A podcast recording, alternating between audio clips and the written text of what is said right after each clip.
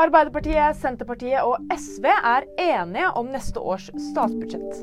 De mener at budsjettet fokuserer på å styrke velferden, slik at folk får mer å leve av. Endringene inkluderer bl.a. at både barnetrygden, minstesatsen for uføre og studiestøtten øker. 56 nordmenn får reise ut av Gaza søndag.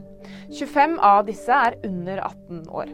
Dette skal være de siste norske borgerne til å krysse grensen til Egypt, men Utenriksdepartementet sier de jobber videre med å finne ut av om det er flere nordmenn i Gaza som ikke står på evakueringslisten. En dansk influenser er pågrepet for utroskap i Dubai. 26 år gamle Elvira Pitzner er blitt anmeldt for utroskap av ekskjæresten som bor i Dubai, skriver moren til influenseren.